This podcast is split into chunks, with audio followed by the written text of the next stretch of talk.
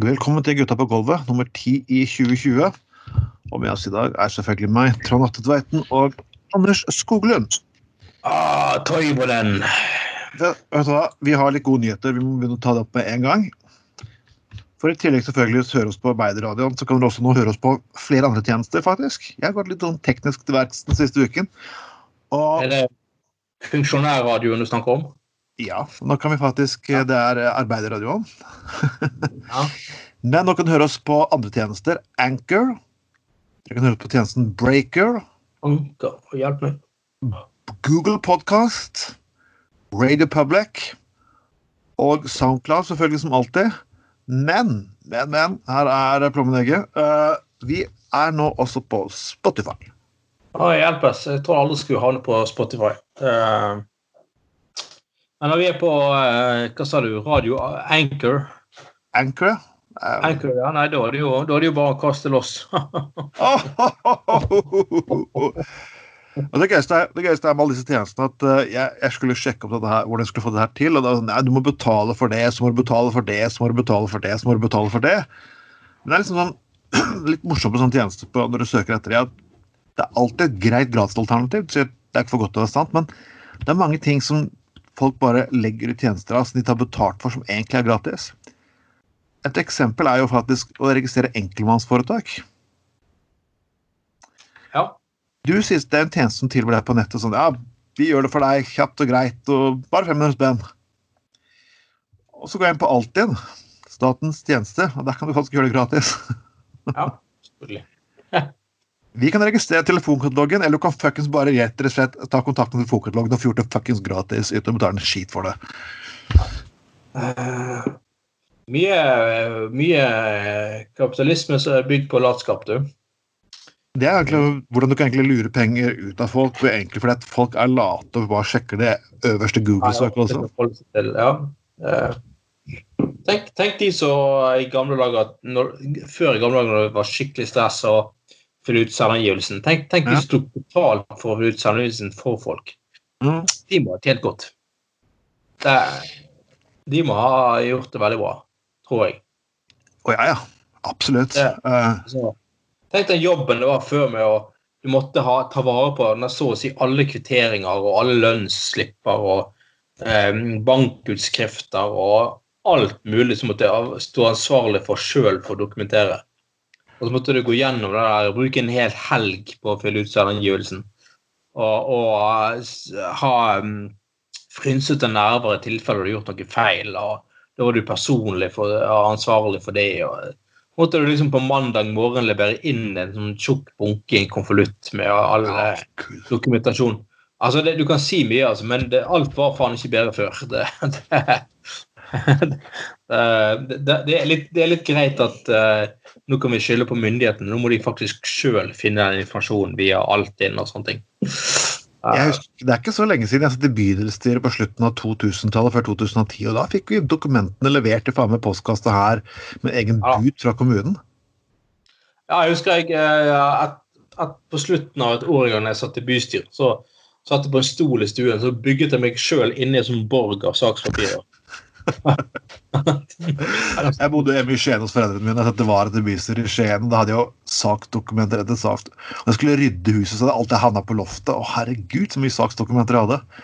Ja. Og her må du bare, her må du bare skaffe makuleringsmaskin, for jeg lå tiår med bunker med fuckings selvangivelser. ikke sant? Ja. Nei, men jeg, det jeg husker det var, var, var en, en student som sa til en annet bystyremedlem en gang så sånn Ja, eh, jeg skal ha eh, skal ha en eksamen i høst, jeg må lese 1000 sider. Jeg bare, Å, faen i helvete. Jeg må lese 2000 sider en gang i måneden. Eh, Nei, altså Det er ting politikken lærer deg, det skal faktisk politikken egentlig ha. Det er det at du lærer deg å lese svære mengder og bare se ned på et ark. Finne at de setningene der er fuckings relevante, det er de jeg trenger å ta med videre. Bam! Ja, nei, altså det er jo mm, altså det, det er jo, eh, Man har jo en plikt til å mm, opplyse saken skikkelig. Ja, og, det, og det er utrolig viktig at den kunnskapen og alt grunnlag og alt er tilgjengelig, men det betyr jo ikke at du skal lese alt. Eller Ja. trenger det. Um, Vi har jo egentlig den store flaksen at når jeg sitter i kontrollutvalget, så er det faktisk de som har utredet saken, som holder et kvarter 20 minutters innledning om saken, og så har jeg saksoppgjøren i tillegg, så På den måten så er de som har skrevet sakspapirene, faktisk de personene som innleder om fuckings saken mens vi gjennomgår sakspapirene, så det er jo sånn Det går jo greit, kan du si, da. Men som sagt, alt var faktisk ikke bedre før. Nei, faen heller. Det, det, var det definitivt ikke. Og jeg tror vi skal snakke de som mener at ting var bedre før. Da har de, da har de glemt den selvangivelsen, altså. Blant annet. Eh, eller, eller, at eh, butikken stengte klokken matbutikken stengte klokken fem. Og klokken ett på lørdager. og og, og måtte, måtte, gå i banken for å fysisk betale alle regninger. og Nei, det var Alt var overhodet ikke bedre før. Det...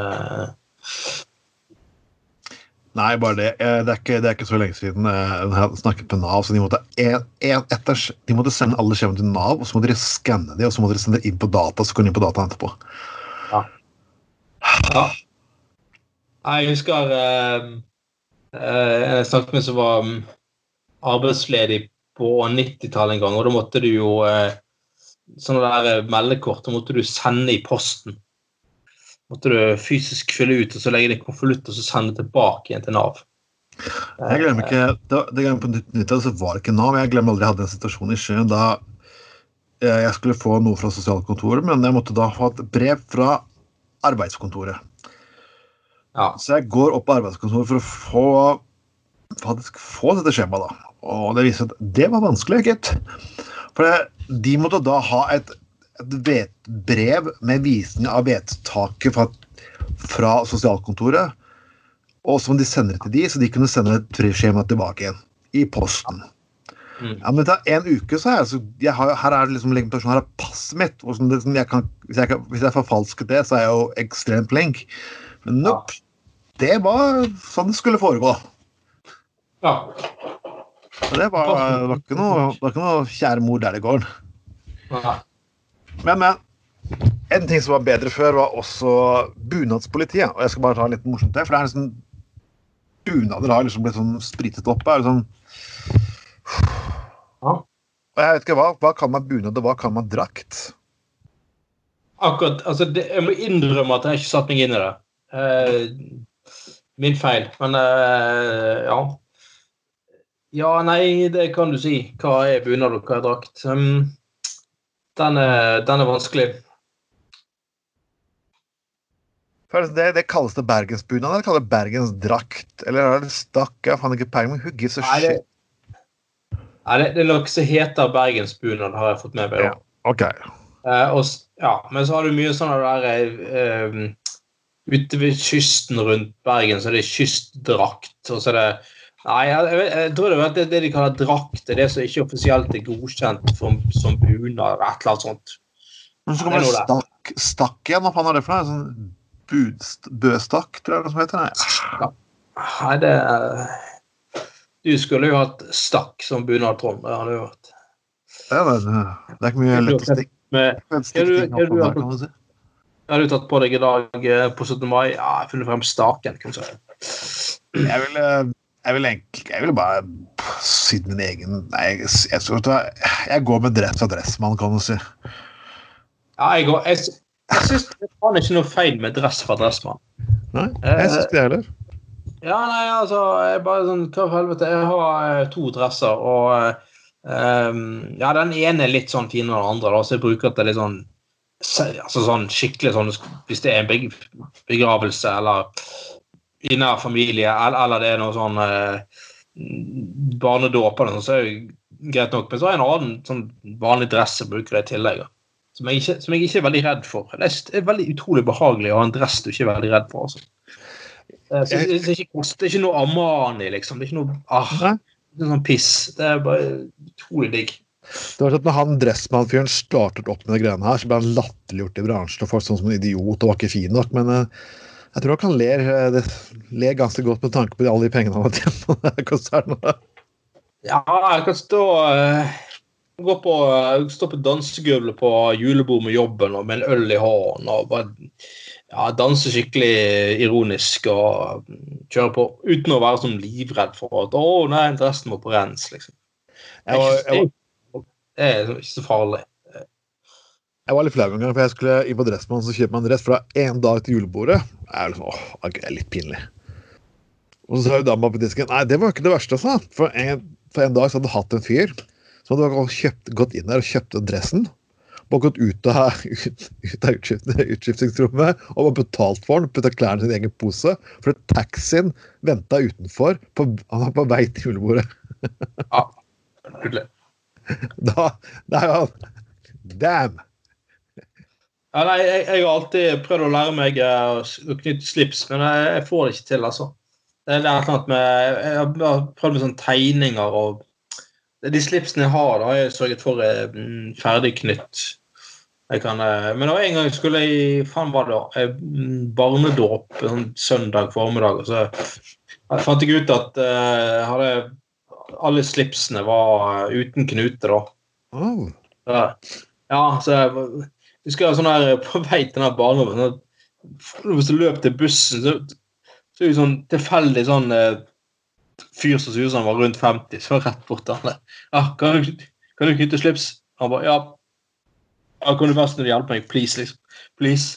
Og han bare ja, ja, ja, selvfølgelig. Og konen holdt på å lese igjen. Jeg syntes det var helt genialt. jeg bare tenkte, Som menn over 50, de kan knytte slips, altså. Som regel. Uh, jeg, jeg, har prøvd det der, og jeg får det ikke fuckings til. Jeg, jeg, jeg må bare jeg må, bare gi opp. Jeg har forsøkt alt, og til og med kjæresten min. Hun tar fast og knytte slips. Jeg alle til, tror til og med søstera mi knytter slips, men jeg klarer faen ikke å gjøre det. Jeg så fast god med det. Jeg, tror jeg har prøvd, men jeg er ikke speideren heller. Jeg var ikke noen racer på knuter. Jeg lærte meg kanskje to knuter, mens de andre kunne 10-20. Så uh, Nei, sant uh, Og, og um, ja, liksom, men jeg var, jeg var, faktisk en gang og kjøpte slips i en klesbutikk, og så spurte han som jobbet i butikken, om han kunne knyte det for meg. da. Nei, han kunne ikke knyte slips. Og det er sånn, Med all respekt, altså, at for all del at uh, jeg forventer ikke at folk som jobber i klesbutikk, skal kunne alt om klær og tekstiler og sånne ting. Men, men altså, i en butikk som selger slips, så er det jo tenker jeg det er greit å kunne faktisk slipsknute. Ja, det, det, bør de kunne. Uh, ja, det bør de faktisk virkelig kunne. Og, men, og da, men hva var det konservativ holdning at du kan ikke endre på en bunad, du kan ikke endre på en festdrakt og lignende? Uh, jeg vet ikke, altså Kan ikke folk egentlig bare gjøre f hva de vil? Det sånn, altså, man bruker veldig mye tid i samfunnet på å sånn, diskutere masse sånn fjaseting, og ja men uansett, 17. mai gikk eh, Det ble 17. mai år, faktisk, utrolig nok. Ja. Og jeg må, jeg må, bare, jeg må bare jeg må faktisk, Selv om jeg ikke er noe for kongedømmet og lignende hans, jeg tror meg, jeg syns kongedømmet er godt ut på dato, så må jeg berømme PR-avdelingen til Slottet. Ja. Du vet OK, ok, det at han står på balkongen, det er vi vant med alle år. Vi tar en bil. Den samme Litt lignende det vi gjorde i 1945 og kom tilbake til krigen. Jeg må, jeg må, jeg må tilstå at den PR-avdelingen til Hytteslottet, de fuckings vet dette her. Ja, de kan, eh, de kan sine ting. Det, er det er ingen tvil om det. det alle husker kongen for, er det han gjorde under krigen. Og det er ikke kommet bort fra at det, det står varmt om hjertet for veldig mange som har vokst opp etter krigen. Ja da, sant. Og eh, jeg syns egentlig Altså kong Harald er litt sånn eh, Altså Jeg vet ikke om han nødvendigvis innerst inne sånn innerst inne sjøl heller er sånn overbevist om at monarkiet er riktig eller bra. Eh, men han er litt sånn Ja, ja, får nå gjøre det beste ut av det, liksom. Ja. Eh, så, så han, er, han, er, jo eh, jovial, da. Eh, og prøver jo ikke å eh, Han er jo ikke overlegen eller høy på seg sjøl i det hele tatt. Det skal han ha, tross alt. Så uh, Ja, altså Nei, det var veldig ja. Men de har bare gjort veldig veldig fuckings mye, mye riktig. Også når hadde talen under, under, når koronaen var på det verste. Ja. Det at han adresserer nasjonen. Noe som han veldig sjelden gjør, utenom selvfølgelig den berømte nyttårstalen som pleier å være hvert bidige år. Ja. Igjen, det må være noe i PR-avdelinga der. Og når du knytter det opp mot alle de gangene han har talt tidligere, som 22. juli, når folk har det vanskelig, som under krigen fra London, når folk har det vann. Wow!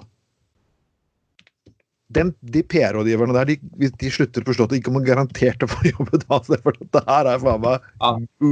gjennomtenkt. Som politiker selv, så bare Holy shit. Eh, Det går jo sånn, det går jo sånn her eh, Sånn her eh, rykter, fortelling om en, en eller annen gang noen år siden så st- sto det en fyr inntil et tre under et tre i Slottsparken og røykte, da. Og så, og så liksom eh, Og så så går dere forbi det, og så er det sånn Å, shit! Det er jo, det er jo faktisk kong Harald. og han bare ja, hei, hei, det er kong Harald her, men please, ikke ta bilde av meg, og ikke ring en eller annen, eh, en eller annen redaksjon. For da finner de ut at jeg har stukket av fra livvaktene mine. Wow. han stukket av ut og sånn, løpt ut av en sånn bakdør på Slottet. Det sto og røykte. Så var sånn, bare sånn ingen, vet, ingen vet at jeg er her. Ikke vær snill. Må ikke sladre. jeg var, jeg var sånn jeg bare, Nei, han ville liksom bare eh, henge på et hjørne og ta seg en røyk og være en vanlig fyr, liksom. Det det, det er jo sympatisk for alle. Det, det, det, er, det, er sympatisk, men samtidig forteller liksom, det, det, det sier jo liksom at vi lar mennesker født inn til en rolle som de uansett om de ønsker Ja, ja. å ha rollen, eller ikke aldri kan slippe unna. Ja, ja, ja. det er liksom eh, Han liksom, liksom stikker av en bakvei altså bare, bare for å forstå å røyke litt under et tre. Og se litt på vanlige folk og liksom slippe å være altså, kong Harald, liksom. Eh, men bare være en vanlig fyr som bare står og ser på folkeliv, liksom, og ser på folk og tar seg en sigg. Jeg er helt enig i det. det. Det må jo være slitsomt å ha det sånn hele tiden nå. Og og det, det jeg sliter litt med, at jeg- som politiker så blir jeg fått stilt til ansvar. Jeg blir elsket og hatet for det. Men når, du, når, du, når, folk, når folk snakker om kongen, så opphøyer de en. De opphøyer nesten fuckings kongen alt det kongen sa sitter og gjør. Ja, han er Toteland som nå gikk bort for ikke lenge siden. Sikkert, Toteland er sikkert en veldig hyggelig fyr. Ja. Men liksom, når din journalistiske karriere er sånn Jeg husker mansjettknappene kongen gikk med da og da. What the fuck? Ja, det Jeg, jeg, jeg beklager, men ingenting av det greiene der finner jeg fuckings interessant. Nei, eller liksom sånn i, i, på, på Hva den så? festen fikk med den, den, uh, den dressen med det gule slipset og alt sånt. Nei, det er jeg helt enig i. Det, det blir eh, det blir, det blir rett og slett ganske slitsomt. Og Og, hvorfor vil rasjonelle, fuckings vanlige mennesker med god utdannelse, godt intellekt, synes dette her er greit opphøyet? At kongen bryr seg om meg? Jeg er fullstendig OK, hyggelig for deg, kongen, du kjenner ikke meg en dritt. Så heller mer pris på at vennene mine bryr, meg, også, bryr seg om meg. Det, ah, ja. hva kongen føler på, er drit i. Jeg har aldri møtt fyren. Du må liksom heve en person og må, vi, må alltid ha noe over oss selv. Til og med, til og med ateister som sier nei, vi tror ikke på en gud. Bla, bla, bla. Til og med de føler seg ofte til å ha en kongetro, for de må ha noen som er hevet over seg, så de kan tilby alt det bullshit der. ja. Jeg er enig i det. Men um, det er Ja, da. Men, men, eh, men så, Igjen, det hadde jo vært eh, jeg, jeg tenker hvis han kongen vår hadde kongen hadde vært en sånn usympatisk, selvhøytidelig rasshøl, liksom. Eh, som liksom bare var falsk og var høy på seg sjøl og Men jeg vet ikke. Det kan, det kan jo være at liksom kong Harald har tenkt at ja, ja, har man først bestemt at det skal være eh, monarki i Norge, så, så må liksom man tilpasse seg eh, eh, fremtiden og samtiden og ikke, late, ikke, ikke, ikke prøve å være noe som tilhører fortiden, på en måte. Ja, det er akkurat det. Og jeg, det er jo. Du har ikke hatt konger, du har ikke hatt en sånn adel i Norge, du kan ikke opptre på samme måten heller. Så det er mye der det ligger. og Ja, ja. Han er sikkert en hyggelig fyr. Eh, vi skal gå tilbake, vi skal gå videre her nå. Vi, vi har alltid hatt oppgjør med Vi har tidligere snakket om ytringsfrihet veldig ofte. Det er sånn og, Alice, og det er, det er vanvittige mennesker, og det å leke offer, i hvert fall på høyresiden, er liksom Man alltid må ha alternative medier. De må være imot mainstream media. Og Og et, organ som har vært litt sånn i perioder, det er Nettavisen. Og, og den største sytebukken er selvfølgelig Øyvind Sprey Spedalen. Han kan gjerne komme og saksøke oss for det vi sitter og sier nå, men han mener det at ytringsfriheten forvitrer fordi mange ikke tør å si hva de mener. Og det er en sak her fra Nettavisen. Og jeg liksom leser nedover og og altså klart leser jeg det var nette, ja, Dette har jeg selvfølgelig sagt først til Resett, og det er videreformidlet i Nettavisen. Og, og igjen det med ytringsfrihet, at Du skal få lov til å si hva du vil, men du skal overhodet ikke bli møtegått dine meninger. Og det er liksom litt det er liksom at De skal ikke ha kritikk for sine meninger. Og og Spedalen trekker da linjen tilbake til krigen, og at hans far var satt en av lærerne som ble arrestert, og all ære fuckings for det. Men er det en person som har fått lov til å si hva han fuckings mener i det landet her, så er det Øyvind Smedholm. Han har fått lov til å si hva fuckings faen han vil. Ja. Han har Det er ikke en fyr som har noen grunn til å sutre over uh, uh, Altså, han har alltid fått sluppet til uh, mikrofonen. og han har, altså, han har alltid forsøkt seg på å være en sånn der eh, samfunnsrefser og liksom sånn Men, men jeg syns ofte det blir ganske platt. Altså, det, det, Du kan jo telle på én hånd de statsministrene som ikke har klart å liksom imøtegå han veldig heftig, da. Problemet er bare at han taper. Det er like, det er like, ja, det, det, Når man går inn i voksen debatt, der, du faktisk, der folk faktisk får lov til å møte på dine meninger selvfølgelig, det er sånn, Du har rett til dine egne meninger, men du har ikke rett til dine, du har ikke bare rett til objektive fakta. altså Du kan ikke Og det er jo det som Altså blir det ofte en sånn sutring. Ja, så synd på oss, og eh, liksom, Hadde gjort sånn istedenfor sånn, så det mye bedre. og Det, det er mye sånn her eh, ja, Jeg syns det er ganske Ganske spesielt. Men eh, Men at han, han mener at du det, at folk er ute etter fordel hele tiden. Det er fordel å holde kjeft, for da er du, da er du inne med eliten både i næringsliv, politikk, media, forvaltningen. Ok, Vet du hva, eh, Spedalen? Du er faktisk en del av fuckings eliten. oh yes. Du er en del, altså Hvordan er de menneskene som er en del av fuckings eliten, påstår altså Jeg har hatt debatter før òg. Det er samme som Vedum i Senterpartiet er ikke en del av eliten. Eh, Frp, når de satt i regjeringen Listhaug nei, hun var ikke en del av eliten. Hvordan kan de menneskene som styrer samfunnet, ha mest penger, mest milliarder, er de personene som ikke er en del av eliten? Det er jo eh, Og hvordan klarer få mennesker, å forklare, forklare mennesker som er lavtlønte, har det kjipt og vanskelig, å tro at disse menneskene er akkurat sånn som de? Men altså det, det, Dette er jo eh, Dette er jo Trump sitt kunststykke, da. Ja, Og, eh, altså, en eller annen helt syk, absurd måte å prøve å innbille eh, folka at han ikke er en del av eliten. Han er født med en gullskje i munnen. Og du har bygg oppkalt etter deg. Du har, du har et tårn som heter Trump Tower, og allikevel så er du ikke en del av eliten. Bullshit, sier vi til det. Altså, I Norge så oppkaller man selvfølgelig veier etter folk som har gjort noe. Det er ikke nødvendigvis en del av eliten. Det kan være folk som har Her på Laksevåg så er det oppkalt bl.a. Uh, gater til folk som falt under krigen. Selvfølgelig. Ja, og, du- ja, og du har jo til og med han, eh, han er FN, eh, generalsekretæren i FN har vel en eh, Ja. har gjort tatt seg Ja, sant? Og det er fordi folk har gjort. Men også når, du, når du først ennå lever og kan oppkalle bygninger etter deg selv, da er liksom ikke Ola Da er det ikke, da er det ikke Ola Snekker eller Ola Joe the Plumber eller hva faen heller. Så. Ja, vet til- Det finnes jo til og med en, Oppe på Fløyen er det jo en um, sving som heter Willy-svingen. Da, en eller annen fyr som har fått uh, liksom Han har fått oppkalt en sving etter seg. Det er litt spesielt. Mm. Får jo ofte oppkalt gater og plasser som en sving.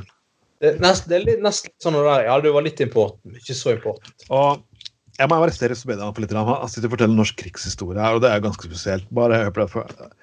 Dette leser ikke dere om norsk historie fordi dere videre at Norge var med Tyskland så lenge de var i medvind. Når motvinden kom i 44, da kom gutta på skauen. Det var ikke gutt på skauen i 1942. OK, forklare Spedalen krigshistorie her. Nummer én. Motstandsbevegelsen i Norge var underlagt England.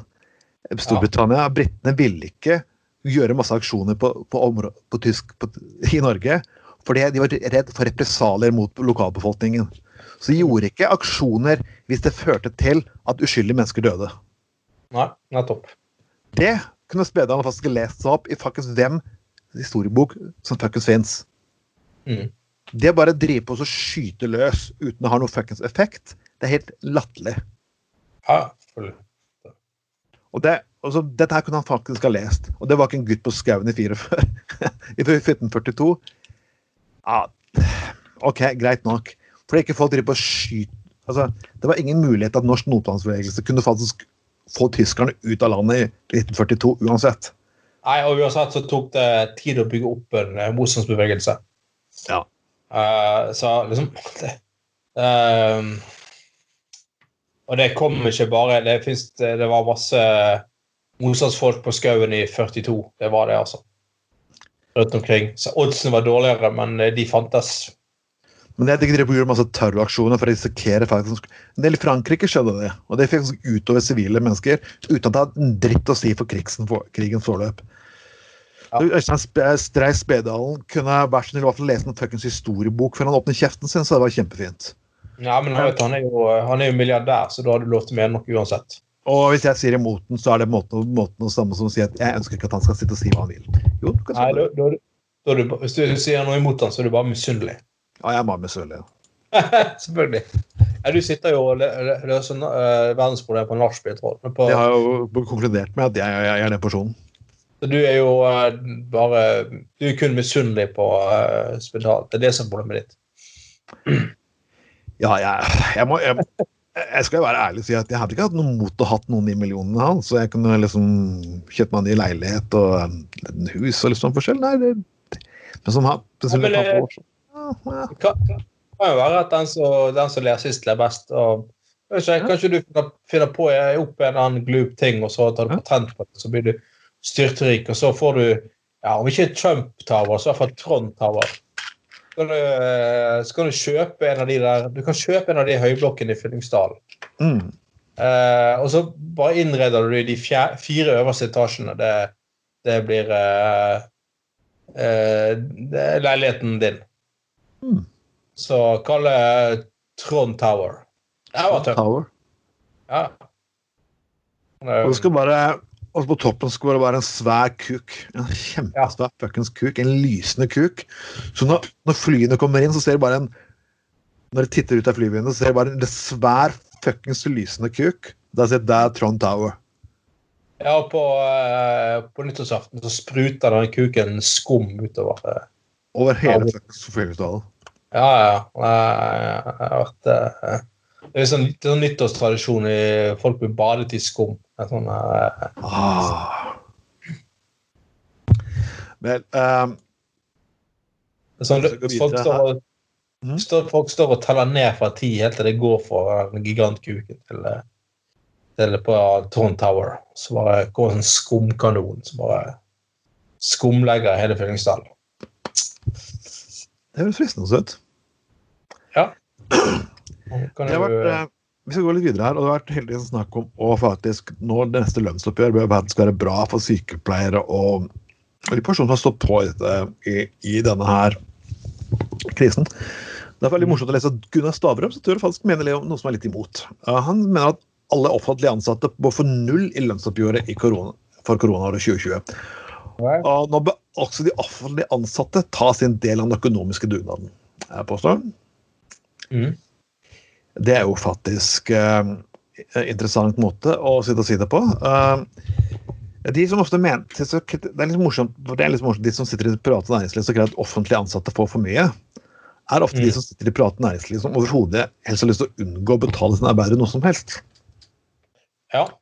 Det er, Og, og, det, og det er greit nok at når du sitter i det offentlige, så må du faktisk forholde deg til lover og regler innenfor næringslivet, og de, de er mye flinkere til å gjøre det. I det private, som jeg annet har jobbet i, så er de ikke like flinke til å gjøre det. nei. Og Derfor har ofte fagforeninger hatt mye mer jobb å gjøre i det private næringslivet enn de har i det offentlige mange ganger. Oh, yes. Ja, men det er vel eh, klassisk eh, Altså alt det Nettavisen skal jo alltid se ting fra en litt annen vinkel og liksom synes at eh, resten av eh, liksom, det er jo veldig sånn tendensiøs greie at resten av mediene er venstrevridd, mens de skal være så påtatt høyrevridd, liksom. Ja, altså Og det er, det er, det er kjempefint at noen tør å faktisk ta debatten om dette her, men Ja, burde ja, man ikke altså, ja, gud hjelpes. Det er altså, veldig bra at vi har Nettavisen for å få et mangfold. Altså, akkurat så er det bra at vi har Klassekampen. Selvfølgelig. Eh, helt klart. Men altså, når det er sagt, så syns jeg jo ofte at det journalistiske håndverket i Klassekampen er bedre enn Nettavisen nå. Uh, Det skal ofte ikke så veldig mye til, jeg følelsen av. Ja, det skal ikke veldig mye til der. Um, men um, Ja. Nei, uh, altså Syns du Ja, jeg syns både ja, Kanskje både de som er helsevesenet, men også um, ja, for, som sagt om før, butikkansatte bussjåfører bør kanskje få et løft. Ja. Så virkelig, så at, så, og som har De har også tatt på seg en veldig smitterisiko, da med å være tilgjengelig og åpent, og folk kommer og tjo hei. Og man må jo også se det at i lønnsoppgjør og en del andre sånne ting man forhandler med staten om, i dele ting, så er det ofte mer enn bare kroner og øre i økt lønn. Det er ofte snakk om stillingsvern, det er ofte snakk om prosentstillinger, det er ofte en del sånne andre ting som også dukker opp i forhandlinger. Ja, det er rettighet. eh, Grunnleggende og viktig, liksom. Ja. Og det er jo det man folk misforstår med streik. Altså Man tror det kun dreier seg om lønn. Ja. Noe det egentlig veldig sjelden gjør. Og det her Og hvorfor kan det ikke Hvorfor kan det ikke være enkelt å forhandle med sjefen om lønn? Ja, det er det de vil. Det det er det, det, det venstrefolk blant annet, og høyrefolk tror faktisk at det er mulig. Ja. Uh, Stort sett er det det faktisk personer som er ansatt der kompisen er sjef, som føler at det, er, det gjelder for alle deler i næringslivet. Ja, ja. Hvorfor kan det ikke bare være enkelt uh, uh, Ja, altså Hvorfor kan ikke være enkelt bare um, uh, forhandle for seg sjøl, og hvorfor må de være del av en fagforening i det hele tatt?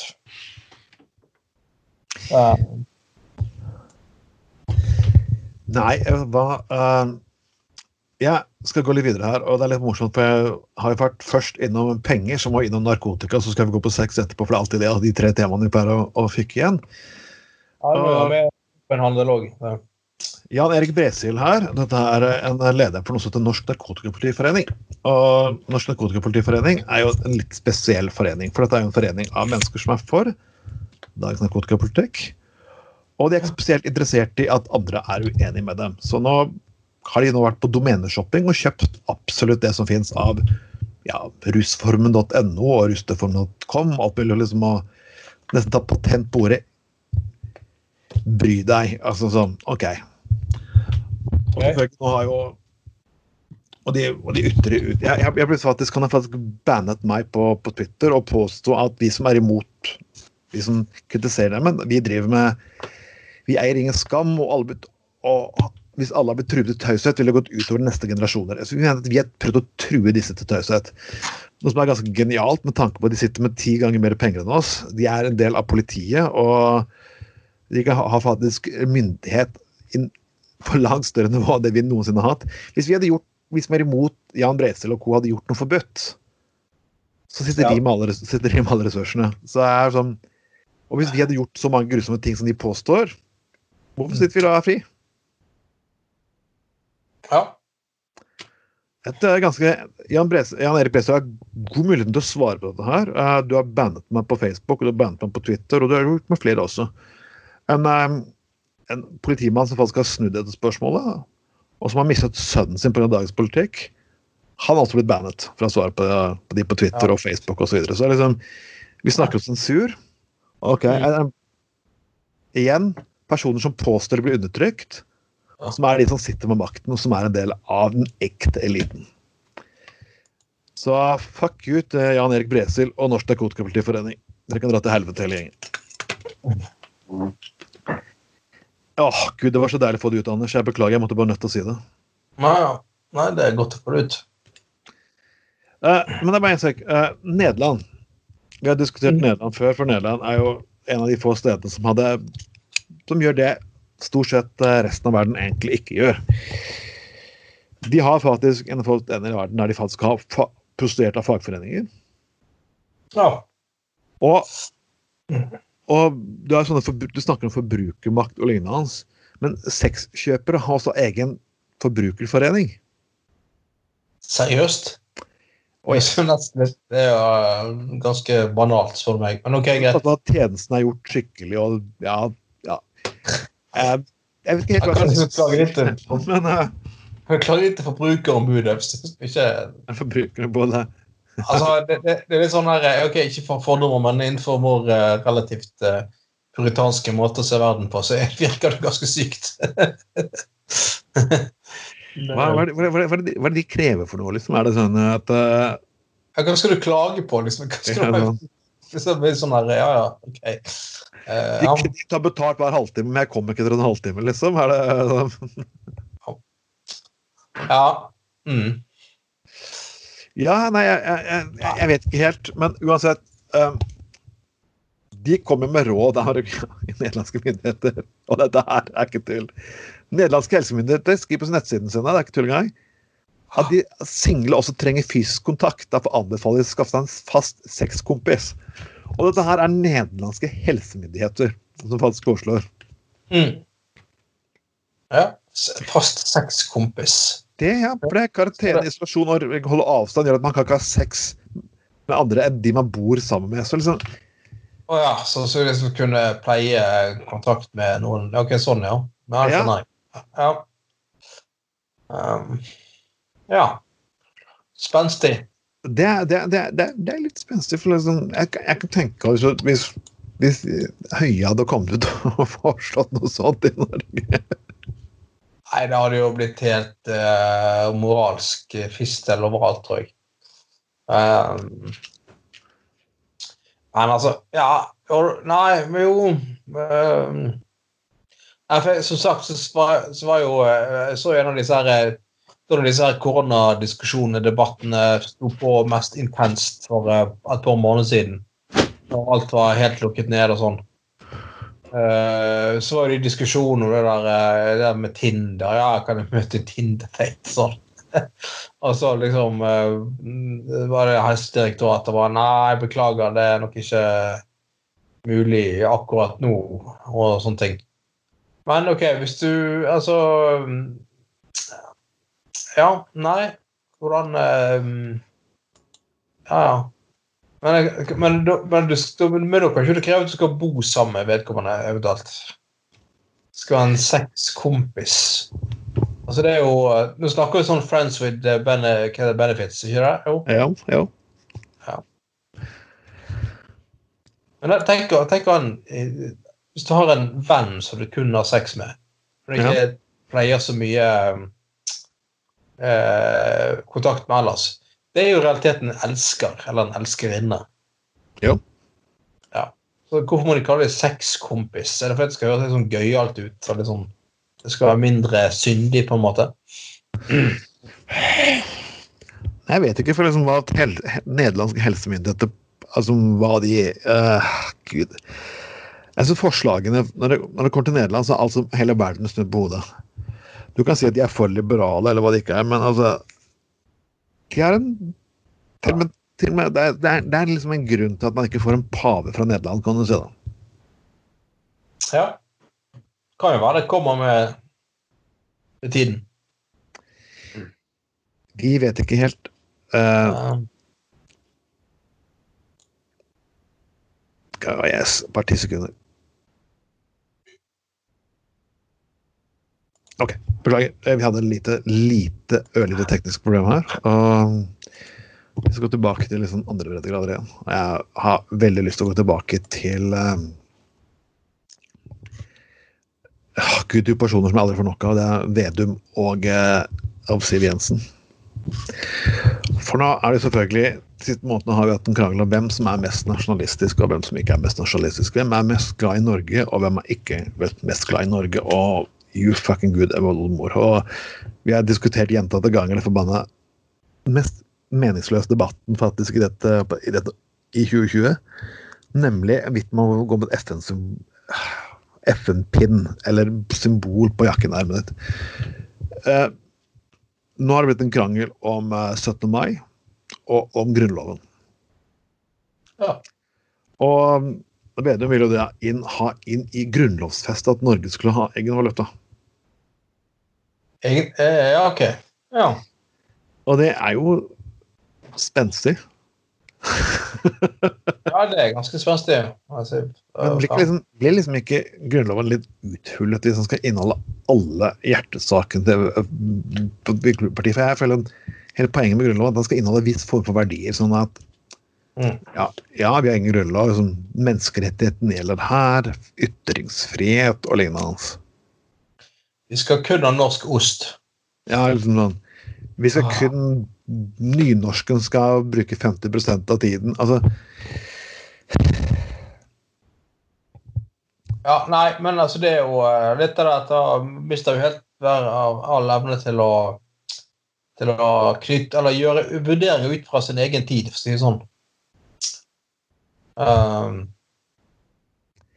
jeg, også, jeg, det, er, det er liksom grunnen til at man ikke har EU som en del av Hvorvidt en skal si nei til EU som en, eh, del av grunnloven og ikke. Men det er liksom bare, bare sånn Det blir sånn her idiotdebatt om hvem som er mest patriotisk og mest glad i landet sitt, og du sitter, in, du sitter faktisk i en krise der folk dør. Jeg bare sånn ja. ja Så jeg- Ja. Mm. Mm. Nei, altså For vår del er jo ikke det å være en del av euroen det mest lukrative. Eh, men det skjønner vi jo sjøl, for å si det sånn. Ja. Eh, vi trenger jo ikke å ha det i Grunnloven for å forstå det. Skal han ha, skal han ha kommunestruktur med i Grunnloven nå, kanskje? Mm. For, det, for, det, for, det, for den måten vi styrer Norge på i dag, er ikke en del av Grunnloven. Nei, nei, nei. Du hadde vel, eh, Den gangen var det vel eh, kongen som styrte, ikke Jo, altså, det, er- altså, Parlamentarismen er ikke nedfelt som en del av Grunnloven. Nei. Så per i dag så tar vi jo egentlig ganske lett altså, Ting som vi regner så helt naturlig faktisk en del måte å styre etter på i dag, er faktisk en del av Grunnloven. Ja. Og vi hadde vært noen grunnlovsfanatikere i Norge, sånn som er i USA. Det er liksom, Du kan ikke endre på én jævlig Det at Grunnlovslederen i USA de sa, at, de, de sa at loven burde revideres hvert 30. år, for det er, ting går faktisk ut på dato. Mm, ja. Men det er ikke det britene som ikke har en grunnlov? Ja. Ja, Magna Carta, tror jeg, etter annet sånt for prinsipper Ja, de, på. de har en sånn sedvanegreie, så de styrer ikke det? Et eller annet uh... Magna Carta, tror jeg det het. Og ja De kunne kanskje trengt en grunnlov, for det Spør du meg, men Ja, eh, du har House of Lords fortsatt i 2020 Jeg hadde vært eh, på galleriet i eh, House of Parliament i Underhuset. Nei, jeg har fått sett nok på BBC. Det har jeg. For å si det sånn, det er altså Altså Grand Prix og alt mulig annet, det, det er ingenting i forhold. Det er, helt, det helt fantastisk. Jeg anbefaler absolutt alle som er i London, hvis du har lyst på litt underholdning, gå og være tilhører i eh, parlamentet. Det er, helt, det, er, det er virkelig en opplevelse for livet. Eh, Det var, ja, det var jo da at nei, under, eh, under Irak-krigen del to, så var det jo faktisk det at eh, Blair fikk lov til å tale i Kongressen. Ja. Og det var snakk om at han skulle putte Bush og skulle få lov til å tale under Men Etter rådgiveren hans hadde tatt en liten titt på hva som foregikk der, så Ja. fikk han ikke lov. Nei, det er jo uh, Det er jo der, eh, der uh, de, de, slutt, de måtte jo slutte med House of Parliament måtte de slutte med å ha sånn ett minutts stillhet for gamle parlamentsmedlemmer. For det var, det var en eller annen fyr som fra de konservative som døde. Han har sittet i, selvfølgelig i parlamentet i sikkert 40 år døde så skulle de ha ett minutts stillhet uh, foran i parlamentet. Men det som skjedde da, var jo at uh, Labour-siden de reiste seg opp, og så hadde de istedenfor ett minutts pipekonsert. Oh. Ja, det er, bare, det er liksom sånn Hvor skal du begynne? Det, det er så Det er sånn uh, Og så Og en annen gang vi skulle ha ett minutts Stillhet, så var det en fyr som eh, leste opp Mens det var ett minutts Stillhet, så var det en fra Labour som reiste opp og leste opp navnene på alle gruvearbeidere som var, var, var drept mens de var på jobb i, i Nord-England de Oh. siste eh, 30 årene eller sånt. Ja, ja, ja.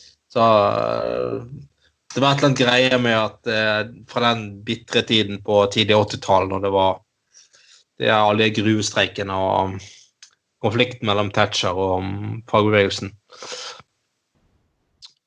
Eh, sånt da. Men eh, ja, altså det, det kan jeg virkelig, virkelig eh, anbefale å ta en tur eh, på i House of Parliament. Eh, fantastisk underholdning. Altså, I Norge så kan du ikke gjøre dette. Altså, det er sånn at hvis du, det er jo, I Norge så er det ganske hard kustus på hvor høflig du skal være. Du må si 'herr president', og så må du du, ja, du har jo selvfølgelig noen som prøver seg, selvfølgelig som godeste eh, Tybring-Gjedde, som vi diskuterte i forrige, forrige, forrige program. Skal Ja. få lov til å gå inn og ut og grine og føle at han har blitt provosert og lignende. Så ja. Nei, eh, da jeg var innom House of Parliament, så um, så var det en sånn gammel dame fra de der Scott, Scottish National Party, Oh. SNP. Ja, og de er jo splitter pinnegal. Og greien er jo at de, ja, de de er ikke så gærne. Jeg vil si et forhold til eh, De er jo faktisk mer sosialdemokrater hvis du ser på politikken. Jo, jo. Jo, det er de, men poenget er jo at de, de, de vil jo ikke være der. sant? De vil jo ha sin egen stat. Ja. Ja, så at de har jo ikke nødvendigvis veldig stor respekt for det britiske eller det britiske parlamentet, sant? i og med at de vil løsrive seg. Ja. Så eh, når jeg var eh, til lørdag, så var det en sånn kraftig gammel dame som satt på bakerste benk der og ropte ut Han der eh, daværende næringsministeren skulle legge frem Lisboa-traktaten. Ja, hun eh, satt og skrek ut eh, ting som ikke går an å gjenta seg her engang. Eh, om han er næringsministeren. Og han er der, han er der Mr. Speaker, han sitter bare sånn Nei, han slår ikke ned på det i det hele tatt. Var fantastisk. Nei, sånn er det bare. Det, det, det, det er nydelig. Og her, og her, og her husker jeg jo godeste du som er leder for, eller talskvinn, person for Grønn Ungdom, som brukte ordet idiot. Og da ble det jo oh, oh, herregud. Id, ordet idiot på, på Stortingets talerstol. Nei, det var off, mangel på kutyme og Ja, ja. Det var liksom ikke Det var liksom ikke grenser på hvor fælt det var. Nei, Det er jo sånn. Det Men, men. Vi får Vi får gå videre her. Uansett så jeg Jeg, jeg tror jeg, jeg, ikke jeg kunne godt tenke meg at man kunne ha litt mer temperatur faktisk i, eh, i Stortinget, men jeg kunne i hvert fall også slippe at uh, Ja. Men at jeg kan i hvert fall slippe britiske tilstander, kan man si det. ja. Selv om det har høy eh, underholdningsverdi, da. Men altså litt sånn når, når du er på ferie, på en måte, så er det greit. Men eh, jeg vil ikke om jeg ville ha Jeg ønsker jo ikke at vårt eget parlament skal være sånn. All. Nei. Jeg bare ta en liten sak her, og det er jo en sak som er sånn Du snakker, du snakker om luksusdebatter i norske samfunnet, og, og selvfølgelig Jeg har ingen problemer med å si at jeg har gjort narr av harryhandlene faktisk flere ganger. og det har fått noe kritikk mot showet har kommet også, folk som har vært sure for at er to ting vi kan, ikke kan kritisere. Det er selvfølgelig de som liker å gå på harryhandel, og de som liker å reise på hyttene sine. Og jeg syns egentlig det er, eh, god grunn til å kritisere begge deler. Mm. Og nå, altså, det her må, det her må jo høres Jeg bare tenker Hvis du sitter i, du sitter i, i slummen i Brasil, eller hvis du bor i Mexico, Ecuador eh, Tja, for en slags Venezuela, og sitter og ser debatten her Som dreier seg om karantenetid for folk som har vært og har i harryhandel og kjøpt bacon over, over Svinesund. Ja. Og folk er nå så desperate. De vil sjekke om de har antistoffer for å få grensehandel. Og jeg bare Ja. OK. Hvis du ber det som er helt fantastisk, hvis du ber folk om å liksom sånn Kan du ikke resirkulere Du må bare vaske melkekartongen. Å nei, så slitsomt. Å gud, å gud, nei. Uh, vask plastikken så kan Å gud, å nei. Men jeg må ha legetime, jeg må sjekke full bekreftelse på det er antistoffer, så jeg kan kjøpe bacon på andre siden av fuckings grensa. Ja. Det er liksom menneskers evne til å prioritere og ta ting på alvor. Den er slutter aldri å overraske meg. Nei. Uh, det, eller liksom, det sier litt om hva som er viktig her i livet, da. Mm. Og få å komme seg til Sverige er jo tydeligvis eh, avgjørende for mange, da. På Og- det handle.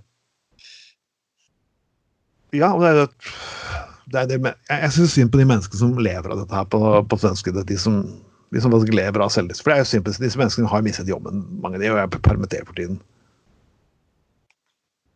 Det er liksom en absurd verden at de er så sinnssykt oppslukt på å ha billigst ting, men samtidig ha høyest mulig lønn. Vi skal ha begge deler. Ja. alt det du kjøper skal koste billigst mulig, men vi skal ha høyest mulig lønn. Og det er liksom noen, Og minst mulig skatter og avgifter, mest mulig velferd. Og, og det regnestykket går ikke opp. Nei, og så har du det med at du skal liksom eh, Skal eh, Skal eh, Han skal kjøre til Sverige for å eh, handle billigere og ikke legge inn avgifter i, i Norge som går inn i fellesklassen. Så Mm. du velger altså heller da å ja, altså egentlig gå i minus og bruke mye penger på bensin og kjøre til Sverige for å harryhandle der. Mm. Og det er ikke alle som tjener noe mye på det, da. Så det, det er jo ganske um, fascinerende i seg sjøl. Du, altså, det, og det var jo sånn at jeg bodde i Grenland, så jeg folk som tok faktisk turen over. Jeg Det her er Strømstadbåten. Det tar ca. to timer over og to timer tilbake igjen. Og så, ok, jeg kan godt skjønne det, for der, fikk du en liten, liten tur på havet. liksom, Kunne stå og kose deg, ta en kopp kaffe.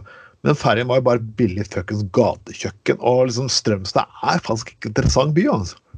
Sikkert veldig hyggelige folk der, men det er ikke interessant, det er ikke, liksom, ikke, det er ikke kulturens navle. Bruke en uh, hel dag bare for å ha lyst til å fuckings ha billigere bacon og, og shoppe. Altså, jeg beklager. Nei, altså um, Det er i hvert fall ikke uh, spennende by, er det ikke det? Nei da. Uh, ja, ja, har du vært i Strømstad? Jeg har vært i Strømstad. Jeg, jeg, vokste opp, jeg, jeg vokste opp på det stedet som folk driver på Haralder. Du hadde jo du kunne Fra Standifjord så kom du til, eh, til Strømstad. Fra Lærvik så kom du til eh, Gud, eh, Fredrikshavn, heter det. Ja. ja. Nei, men altså Det, det, er jo fin natur der, da. Fin kystlinje og sånt. der, Men, men selve byen er jo ikke spennende. Ja, jeg, jeg tror jo Jeg, jeg tror jo um, svensk politi er ganske møkka dritlei nordmenn, for å si det sånn. da. I hvert fall på eh, første påskedag. eller på det. Nei, skjærtorsdag. Skjærtorsdag. Er det, ja. De, de kjører bort og lager leven. Det var sånn at De slutt, til slutt stengte butikkene der på skjærtorsdag og trodde det skulle ha en effekt. da. Ja. Men eh, nei, folk er like idioter jeg har vært i år. Jeg er bare sånn Gud. Gud. Jeg bare, jeg bare, jeg bare kjenner et eller annet inni meg. sånn, En av tingene som gjør at jeg er eh, Skammer meg faktisk over å komme fra det området som jeg kommer fra nå, av og til. ja. Men uh, igjen altså, jeg, jeg kan godt sitte på å reise over til Strømstad hvis jeg skal være der en helg, for det er, det er fine strender og nydelig kystlinje der og alt mulig. Men bruke Ja, ja. en hel dag bare på å handle? Nei, jeg beklager. Nei, altså, jeg, jeg kunne godt uh, jeg kunne godt hatt eh, hytte i Strømstad, for all del. Mm. Eh, jeg tror det er fint. Ehm, men men eh, ja. Selve byen er ikke så veldig, veldig spennende. Men uansett Ja. og, og, altså det, så er det nettopp fordi at det er jo fin natur der og sånne ting, men, men eh, det, det, det, altså for, bare for harryhandel, liksom, det syns jeg er Spesielt nå når liksom alle sier at det er viktig å bruke eh, norsk næringsliv, eh, norsk handel, norsk sånn og sånn. Og det er sånn, før, så, før så kjøpte jeg en øl på utenlandske nettsider, for det var ting som jeg ikke fikk tak i. Men nå har det kommet en god del norske nettbutikker. Ja. Og Ja, jeg, jeg gidder ikke å drive reklame for det. Vi får ikke betalt for dette. her, Derfor gidder jeg ikke å drive reklame for det her nå. Altså, Du skal få mange ting levert på døren. Det er klikk og fuckings hent for mange butikker her i byen. Jeg kan lete den hele katalogen, får det levert i butikken, stikke fuckings henter det når som helst. What the fuck? Altså, hva Altså Og du har, også, jeg tenker, du har god kjøps... Du har god forbrukerlovgivning i Norge. Ja. Så kjøper du et eller annet ting som plutselig får eh, stikkontakten går til helvete, så kan du si at vet du hva, fuck you, du må, du må erstatte her. Så nei, jeg sier så langt det lar seg gjøre. altså Gjerne kjøp gode bøker lignende, men men prøv å støtte norsk nett. Det er, det er faktisk ikke så mye om å gjøre, folkens. Du sparer ikke sykt mye penger. Vi begynner å nærme oss en lang time, men vi må nødt til å En ting som har Jeg vet du har savnet Anders, er ja. Og det er såpass mye så langt at man har til og med kjøpt rettene til færøysk fotball faktisk i Norge. Wow. Ja, det er fantastisk. det, det, da begynner å bli desperat. Da blir plutselig litt Eh, desperat. Altså. Ja, de sier, de sier at færøysk fotball på sånn toppnivå Det er på nivå med sånn eh, eh, cirka eh, Ja, på, på nivå med norsk tredjedivisjon, da. I fotball. Ja, nei, altså Til og med islandsk liga har vært bedre. De har, de har hatt en god del spillere fra utenlandske. De, de, men uh, færøysk liga de var jo de som slo Østerrike en gang. Så det var så pinlig at det til og med treneren gikk av uten hadde Ja. krevd det. Han kunne ikke leve med At eh, hadde slått den. Islandsk fotball er jo faktisk veldig De har jo masse toppspillere, da. Men de spiller jo selvfølgelig ikke på Island. Det er jo for lite etter det. Nei, men herregud, selvfølgelig. Men, du- men de summene de toppspilleren tjener, så har det jo sikkert stått for en stor del av skatteinntektene til Island når de kommer tilbake, så Ja, ja. Nei, men eh, det, nei, nå må Abu Raja få i gang eh, fotball i Norge. Men det, det har sagt, det skal jo, skal jo eh, komme i gang. De kan, Men eh, spille, de kan godt spille for tomme tribuner, for det er, jeg kan godt se på fotball på TV. Men litt av grunnen til at jeg nevnte det her, nå har Bundesliga kommet i gang, og folk er kreative der òg. Men i Seoul i Seoul så gjorde man eh, Det der fotballklubben F, FC Seoul. Så det ble litt De måtte spille for tomme tribuner, så de fylte den opp med sånne oppblåsbare sexdukker. Det er reklame faktisk for sexbutikk. Og jeg bare jeg satt på tribunen. Jepp. Og da sitter alle disse oppblåsbare dokkene der borte på tribunen. Ja, fantastisk. Med reklame for eh. Og jeg, igjen person som fant, De måtte be om unnskyldning, for det er liksom litt mer konservativt, men jeg syns det her var genialt. Og hvis den butikken ikke har fått reklame før, Ja, det, da har den i hvert fall fått reklame. Altså, men de må jo ha betalt mye for å få uh, Ja. For, for å få sette fra seg sexdukker på tribunen. Men tenk på, Dette her blir en skandale. Nå har jo den butikken her, eh, kjeden her garantert fått um, reklame over hele verden. Ja. Da kan, man, da kan du tenke på den gangen Liverpool skulle spille på Lerkendal. ja. Som er hvordan, hvordan media kan klare å For de var jo kjent uh, sponset av Carlsberg. Ja, Og ja, ja. slaget til Carlsberg er 'probably the best'. En sånn stor, den kjente logoen. Og. Ja. Men det fikk de ikke lov til, selvfølgelig. For at Norge, i Norge er alkohol, har alkoholreklame på er jo strengt forbudt. Fy-fy. Så de tok bare skrev 'probably' på på spilte de.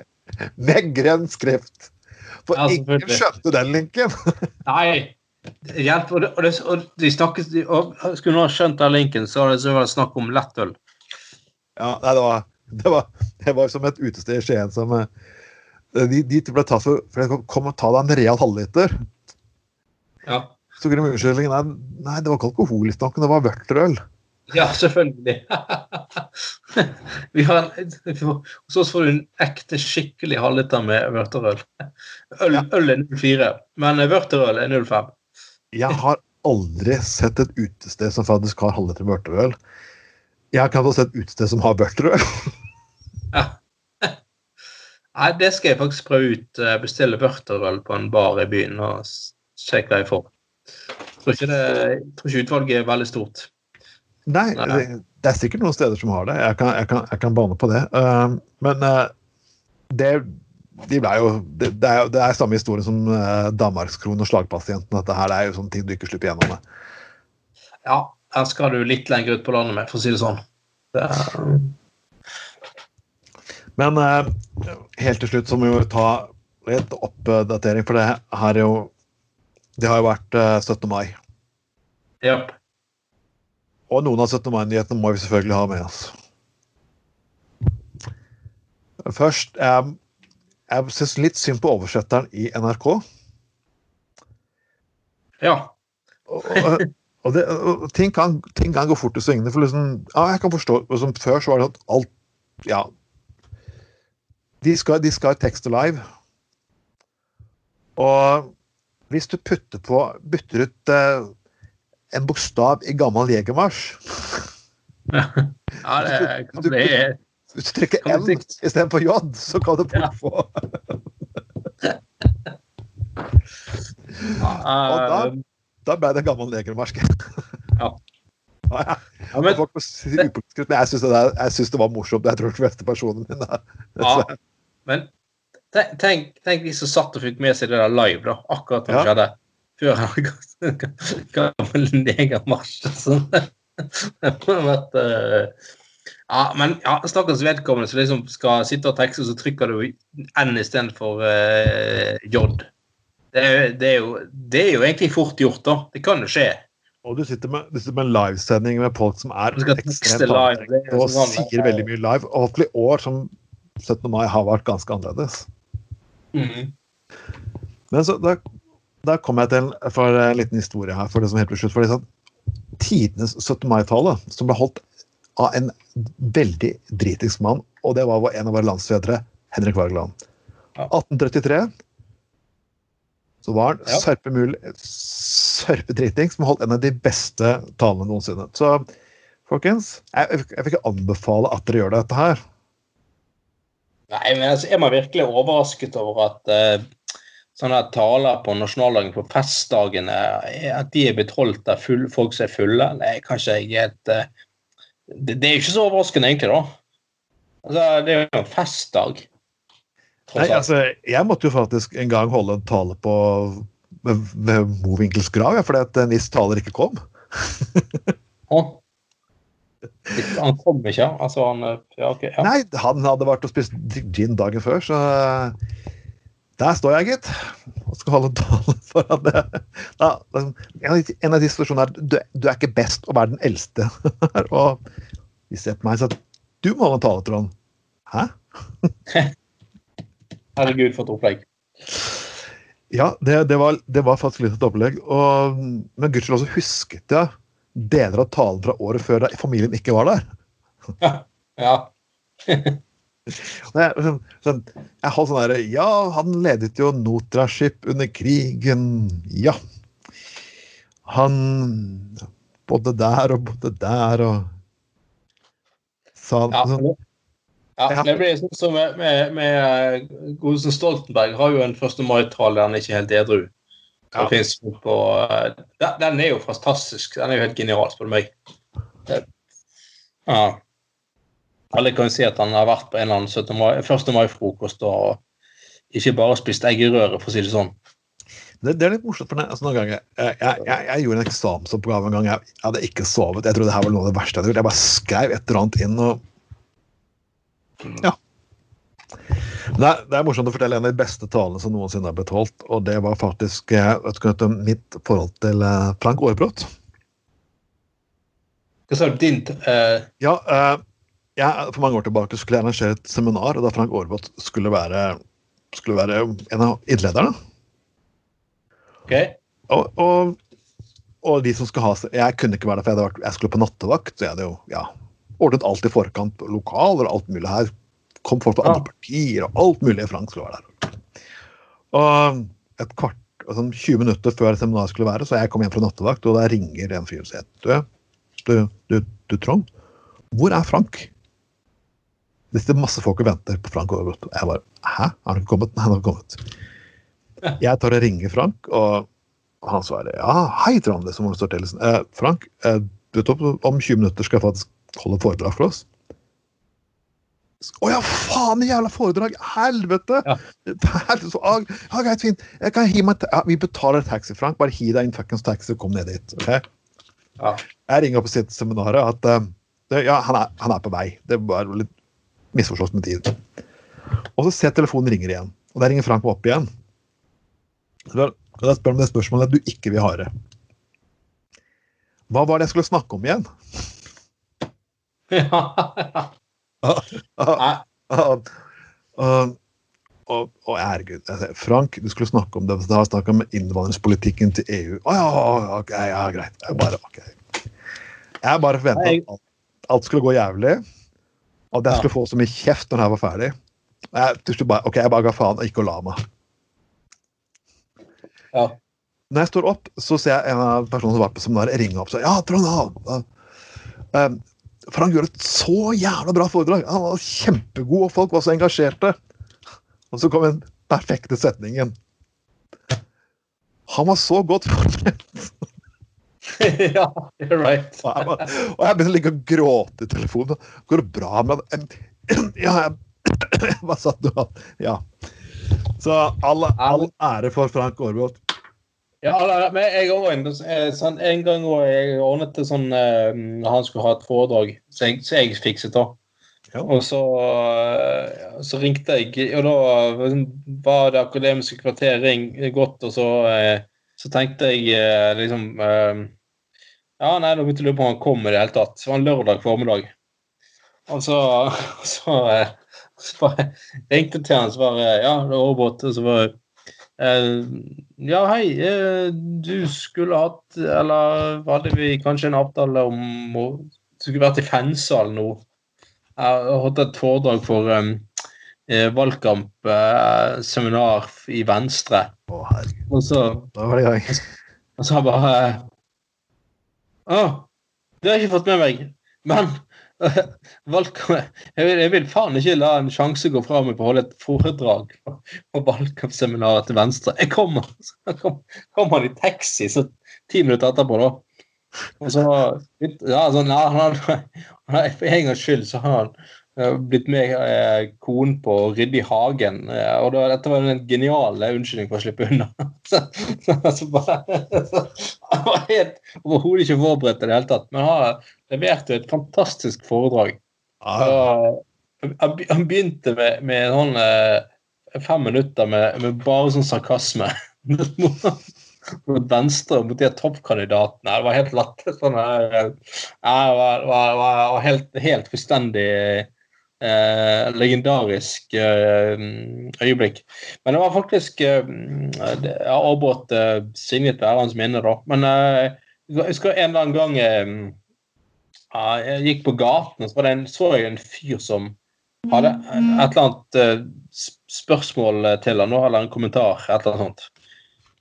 Og så står liksom står Aarebrot opp og ned på gaten der og, og holder en sånn der eh, eh, 20 minutters forelesning kun for han fyren. om, om hans syn på slik og sånne ting, da. Så du kan si mye om Aarebrot, men at, at han var tilgjengelig, ja, det skal han faen meg ha, altså. Eh, det, det, var ikke, det var ikke veldig sånn eh, mye snobberi der. Nei, han eide jo ikke snobberi. Og, og det, var det, jeg husker flere ganger vi satt og drakk med han etterpå. Langt utpå kvelden. så lenge. Han, han brukte mange seminarer i Europa. Liksom, av og til. Hvis han kunne fått til å sitte litt lenger, Så, så var det øl til stede. Ja, ja, ja. Hvis vi kunne ha en pub Han hadde noen pub, hadde pub Så var det wow. Nei, det var, var, på det eh, var Når han skulle eh, ha foredrag eh, den gangen som jeg hadde, hadde ordnet det så, så fyrte han jo opp en sigg mens han holdt, eh, holdt, holdt foredraget, da. Og så, eh, sto, så sto han så bare åpnet han liksom bare en sånn der eh, altandør. Så sto han og røykte, da. Eh, så bare sånn, eh, eh, Ja, nei, når, kan- når Harald Hove får lov til å stå her og suge på den jævla pipen min, så skal jeg faen meg ha en sigg. Altså, så kom så kom, så kom han med sånn så, så begynte han å, å, å imitere Harald Hove. 'Å, jeg står og suger på pipen min.' Oh, oh, oh, For de som ikke vet hvem Harald Hove er, så er han en veldig Ja, en kjent jurist i byen. Ja, Legendarisk venstrepolitiker. Ja, og han hadde og- et par karakteristiske trekk som kan ha gjort at han hadde havnet i en komiserie. Altså. Ja, eh, han- er dessverre ikke blant oss lenger, han heller. Veldig trist. Uh, så eh, ja det, Ære være hans minne òg, for all del. Uh, men, men, eh, men det var liksom sånn uh, her, altså liksom sånn Først, først kommer du først, først kommer du en halvtime for seint til det der men eh, foredraget du har glemt. Kaster det rundt i en taxi. Så kommer du inn, og så første du gjør, er å fyre opp en sigg lenge etter at røykeloven har kommet. Og så begynner du å imitere de som er i møtesalen. Det er Helt fantastisk. Det var, det var et legendarisk øyeblikk. Um, ja, det er på tide. Verden skaper ikke slike akademikere lenger. Og i hvert fall ikke så veldig mange akademikere som kan snakke til vanlige folk. Um, Nei, det er, eh, det er veldig trist. For politisk korrekt det var i- Eller veldig korrekt eh, oppførsel og fremferd. Det hadde i hvert fall ikke overgått. Han hadde vel eh, Altså, skulle han forsøkt å fått jobb på Universitetet i Bergen i dag, så hadde han slitt heftig. På, ja. Tenker jeg. Med, at, altså, med tanke på å være politisk uh, ukorrekt og eh, alt. Men ja, nei, det var sånne legender. De, eh, så det, de, de fins ikke lenger. Eh, jeg har nettopp lest ferdig biografien til eh, Reiulf Steen. Oi. Ja, ja, ja. Det er skrevet av Lahlum. Den eh, mursteinbok. Men uh, han òg mildt sagt sammensatt uh, type. Eh, Det var, det var kanskje ikke alt vi burde kopiere fra den generasjonen, for helse, helsepoliti helsepolitisk så var de kanskje ikke så bra, men jeg syns faktisk altså det, det har blitt veldig så mye fokus på karriere, og alt skal være så forbanna perfekt, og alt skal være så utrolig velpolert, og alt skal være så Si det høflige fuckings setningen 24 fuckings 20 timer i døgnet. At man må kanskje ta så altså, Det er liksom det er liksom nyanser igjen, folkens. Fordi man tør å løse litt på snippen, så trenger man ikke bli sånn som Donald Trump. Nei, sant. Det Og Og- det Ja. Ja, og man trenger ikke være like kjedelig som eh, ja, hvem som helst sosialdemokrat på toppen i dag, kan du si. da. Alle skal, si det, alle skal si det riktige. Altså, folk er ikke riktig 24 timer i døgnet, og det er, er ikke mulig engang. Så prøv å løse litt på snippen. og Av og til hvis du er forbanna, bare, bare, bare vær litt forbanna. Ja ikke kan være på, du kan være det på en elegant måte. Se på Frank Aabrot. Han var det på en elegant måte. Se, se, se til Frank. ah, Herlig type. Så, ja. Men folkens, vi, det kommer flere programmer på denne stasjonen, her, så vi kan ikke, kan ikke holde igjen hele tiden. Vi er vel eh, tilbake allerede neste lørdag, ikke det? Vi er tilbake hver bidige lørdag framover, vi. Og nå har vi opptatt en gruppe på Facebook, så da kan dere faktisk alle gå inn der. Det ligger under siden vår på Gutta på gulvet på Facebook. Dere kan gå inn der, og så kan dere legge ved ting som dere vil vi skal ta opp, ideer eller lignende. Og så er vi nå på Spotify, folkens. Jeg tipper det er den tjenesten de fleste folk bruker, og vi kommer til å havne på enda flere tjenester etter hvert. Vi jobber med iTunes, så kanskje vi er der også ikke altfor lenge. Så det er bare å spre sendingen. Last ned mobiltelefonen igjen, og kom med gode ideer. Uh, før eller senere så dukker vi opp live med musikk og faenskap. Dette Ja. var Trond Atten Tveiten, og Og for alle andre skoler, og hvis noen altså, betaler abonnement for Spotify for å høre meg på Spotify, ja, da føler jeg meg som en rockestjerne, altså. Endelig. du er en rockestjerne, Anders. Ja, takk. Åh, all right. OK, snakkes på.